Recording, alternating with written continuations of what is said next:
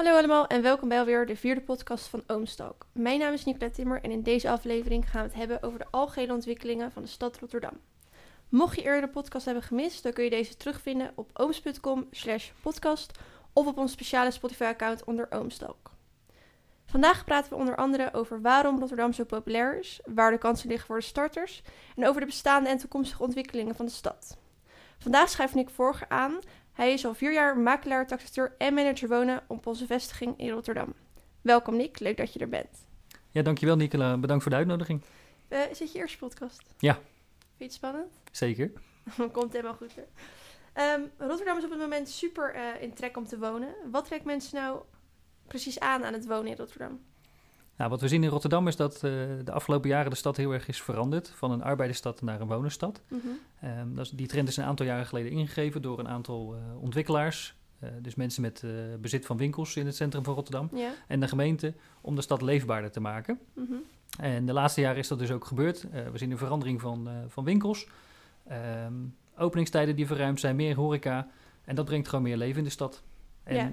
dat, naast het feit dat Rotterdam natuurlijk gewoon een hele toffe stad is om te wonen, ehm, heeft er enorm aan bijgedragen.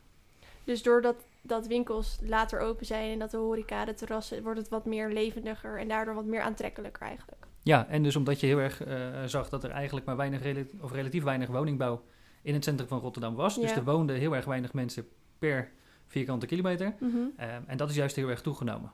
Oké, dus het is wat levendiger geworden in het centrum. Het is veel levendiger geworden in het centrum. Oké. En eh, wat onderscheidt Rotterdam eh, zich ten opzichte van andere grootsteden? Te denken valt aan Amsterdam, Utrecht of Den Haag bijvoorbeeld. Nou, ten eerste is Rotterdam natuurlijk echt een hoogbouwstad. Ehm, na de wederopbouw eh, hebben we de mogelijkheid gekregen om de stad opnieuw in te richten. Mhm. Ehm, nou, dat is denk ik heel erg goed gelukt. En daar zie je wel een belangrijk verschil met de andere steden. Ehm, ook qua huizenprijzen lag er wel wat verschil. Dus wij liepen in Rotterdam achter qua huizenprijzen ten opzichte van andere grote steden in Nederland. Bedoel je dan dat ze goedkoper waren? Ja. Ja, Rotterdam was relatief goedkoop voor, eh, eh, voor een grote stad. Ja. En we hebben daar de laatste tijd wel een inhaalslag gemaakt. Maar je ziet dus ook wel dat de mensen vanuit Amsterdam, Utrecht of Den Haag naar Rotterdam verhuizen. Omdat het hier goedkoper is. Ja, omdat ze voor, eh, voor minder geld meer kwaliteit kregen. Oké. Zijn het vooral de starters eh, die naar een woning in Rotterdam op zoek zijn? Of zijn het de jonge gezinnen of wellicht juist de gepensioneerden? Is er daarin een trend te herkennen? Eh, nee, er is niet echt een trend te herkennen. Eh, wat we eigenlijk zien is dat de doelgroep die naar Rotterdam verhuist heel erg breed is. Mhm. Enerzijds heb je de, de mensen die vanuit het verleden juist wegtrokken uit Rotterdam. Dus dat zijn de mensen met jonge kinderen. Mhm. Die konden vroeger eigenlijk maar moeilijk een geschikte woning vinden in Rotterdam. Nou, die mensen zijn verhuisd naar omliggende gemeenten. denk aan Barendrecht, Ridderkerk, Hoekse Waard. Mhm. Ehm, en de gemeente eh, en ook de ontwikkelaars hebben heel erg ingezet om die mensen binnen de stad te houden. Dus er is veel product ontwikkeld, veel woningen ontwikkeld.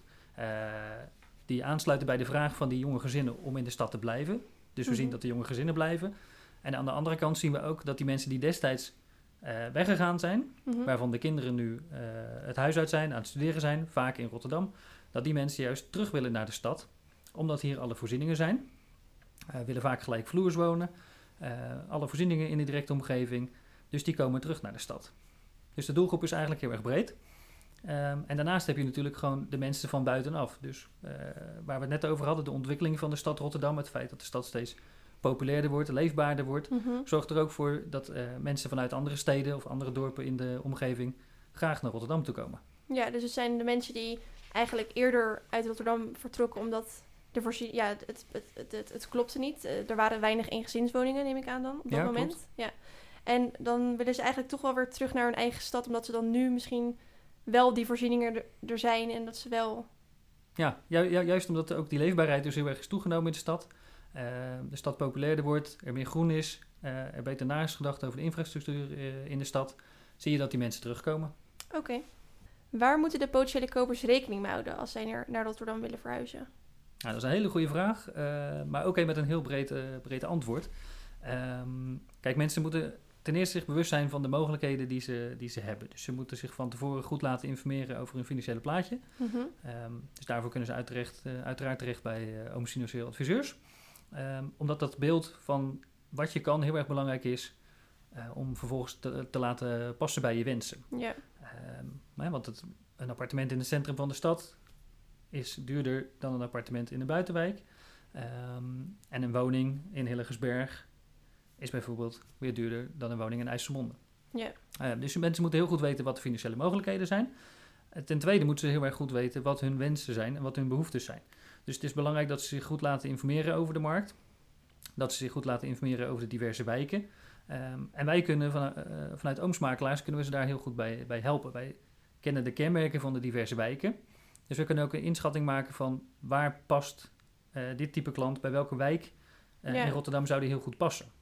Dus je koppelt eigenlijk de wensen aan een wijk. Je kijkt dan waar, welke wijk past daar het best bij. Ja, aan één wijk of meerdere wijken. Ja. Maar je probeert samen met die mensen te zoeken naar een, uh, naar een goede oplossing. Je ziet dat mensen vaak wel een aantal zaken hebben waarvan ze weten dat ze die belangrijk vinden. Maar wij proberen altijd het onderscheid te maken tussen de eisen en de wensen die je hebt. Hè? Eisen zijn dingen, daar wil je echt niet vanaf, uh, van afwijken. Nee. Um, maar wensen, zoals bijvoorbeeld een lichtbad of een tweede badkamer of uh, een dakterras. Yeah. Dat zijn allemaal zaken die we graag met mensen doorspreken van...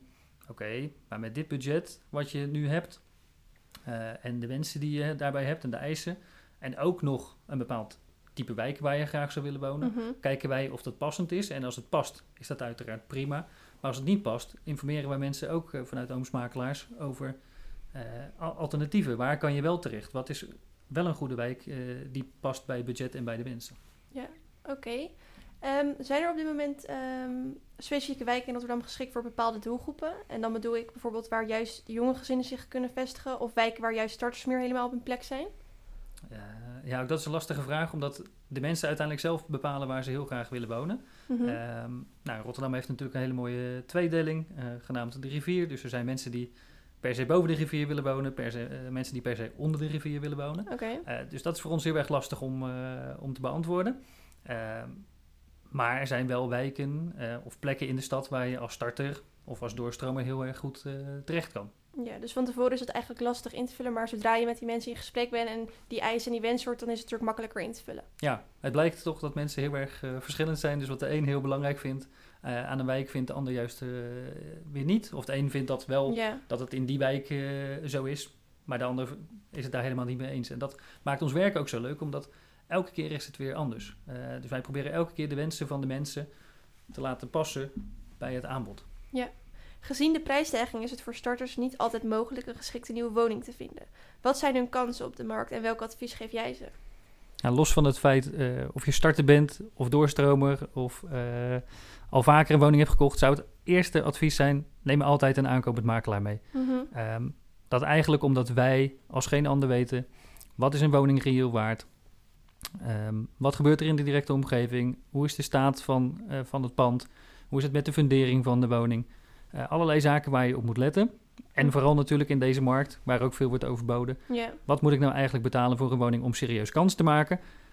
Maar is dat dan ook nog een reëel bedrag, zodat ik later niet in de problemen kom? Yeah. Um, en daarnaast um, kunnen we mensen natuurlijk heel erg goed, en starters, maar iedereen eigenlijk, Iedereen, ja. goed informeren over de diverse wijken. Mm Uh, -hmm. we kennen de wijken, we kennen de stad.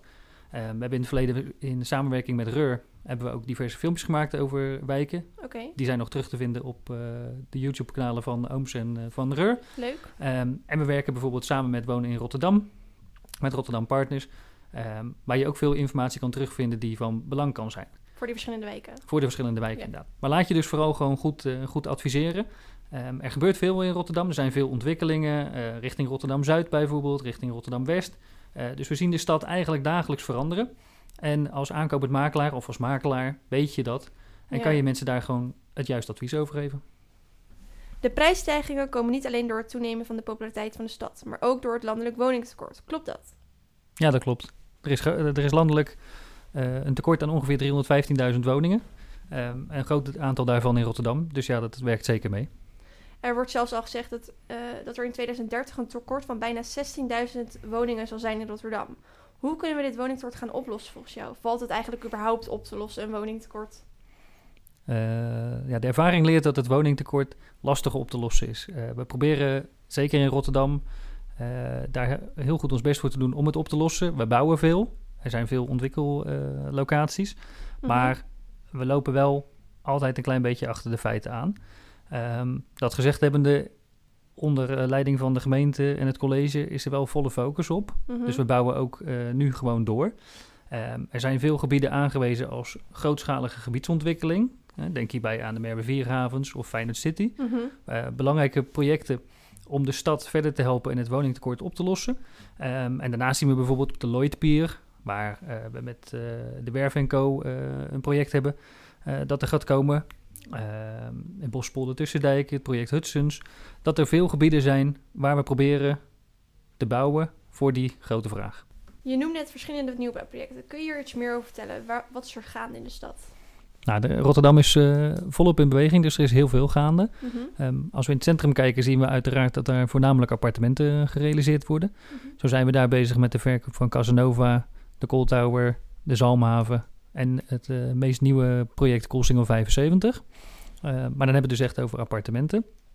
Eh, daarbij, daarnaast hebben we bijvoorbeeld op Katendrecht het project Havenkwartier. Mhm. Dat is een combinatie van appartementen en grondgebonden woningen. In de wijk Feyenoord hebben we het project Remieshof. Ook dat is een combinatie van enerzijds appartementen... ehm, met anderzijds grondgebonden woningen, beneden-bovenwoningen en echt stadswoningen. Ehm, in Prinsenland hebben we het project, project Prinsenpark. Dat is ook weer een appartementencomplex, maar dan wat gelegen buiten de stad in het Mhm. groen. Ehm, dus dat is voor mensen die niet in het centrum willen wonen, maar wel op zoek zijn naar een nieuwbouwappartement heel erg interessant. Ehm, en we verkopen bijvoorbeeld in, eh in Charloes nog het project Natuurlijk Stads. Dat zijn vrijstaande woningen. Dus eigenlijk eh, zijn er volop ontwikkelingen Mhm. en ook eigenlijk voor ieder eh, wat wils. Zo, dat zijn veel projecten. Lijkt me leuk om aan te werken. Ja, dat is hartstikke leuk. Eh, het is een van de leukste dingen om mensen te helpen bij het vinden van een geschikte woning. En door ons eh, grote en diverse aanbod eh, in allerlei type woningen kunnen we dat ook doen. Leuk dat Rotterdam zo in trek is en dat veel mensen er graag zouden willen wonen. De ontwikkelingen stoppen niet. Vanuit Rotterdam en Ooms wordt er van alles aan gedaan om de stad op een goede manier te laten groeien. Ben jij nou benieuwd naar het actuele woningaanbod? Bekijk onze website. En daarnaast kan je ook altijd contact met ons opnemen over het woningaanbod of de nieuwbouwprojecten. Dankjewel voor het luisteren en Nick, jij ook bedankt.